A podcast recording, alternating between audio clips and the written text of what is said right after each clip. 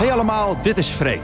Wat super tof dat we samen op deze expeditie gaan naar de allermooiste plekken van de oceaan. Ben je er klaar voor? Zorg dat je je koptelefoon opzet, dan weet je zeker dat je niets mist. Luister mee en sluit je aan bij Expeditie Oceaan.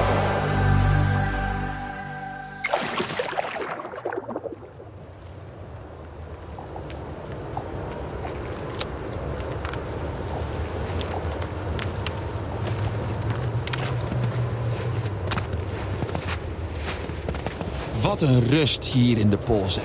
Ik hoor alleen het gekraak van ijs. De zee is spiegelglad en het water ziet er donker uit. Maar niet overal. Daar is het roze. Roze in de oceaan. Dat ga ik eens even van dichterbij bekijken. Wauw, natuurlijk. Dit is kril. Wacht, ik heb een potje bij me. Zo, even wat water scheppen. Ja, hebbes. Kril. Het lijkt op een doorzichtige garnaal.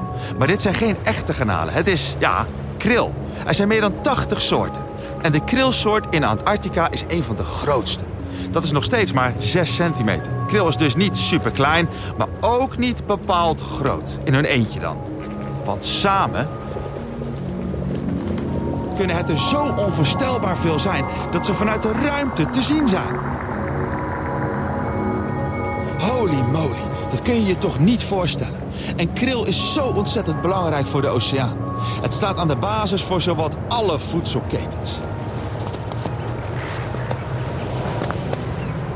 Als er geen kril meer zou zijn, zouden al die voedselketens zo in elkaar storten.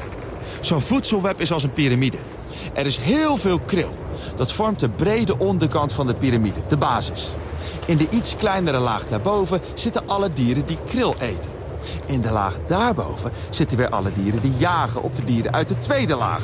Totdat je zo helemaal in het topje bij de toproofdieren uitkomt. Dat zijn bijvoorbeeld dolfijnen, haaien, pinguïns en zeeën.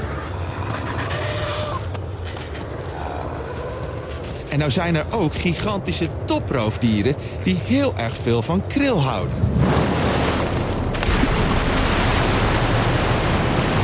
Zo de knetters.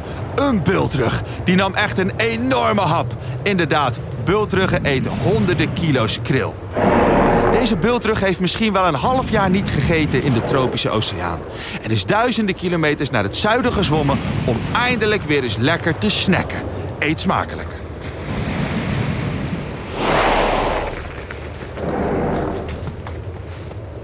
Maar waarom kan hier nou zoveel kril leven?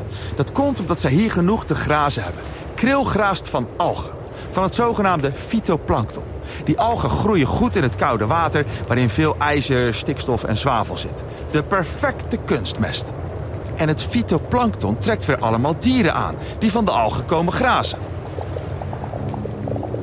Waar fytoplankton is, is dus kril.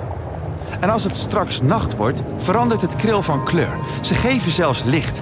Kril maakt dat licht zelf. Dat noemen we bioluminescentie.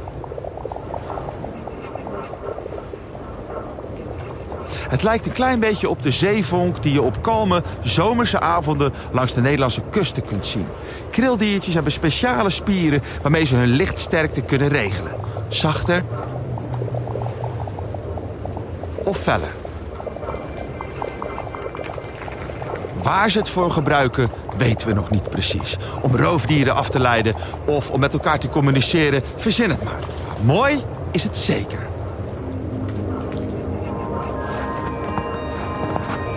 Kan helaas niet blijven om het te zien, want ik heb nog meer plekken in de oceaan te ontdekken. Zie ik je straks weer?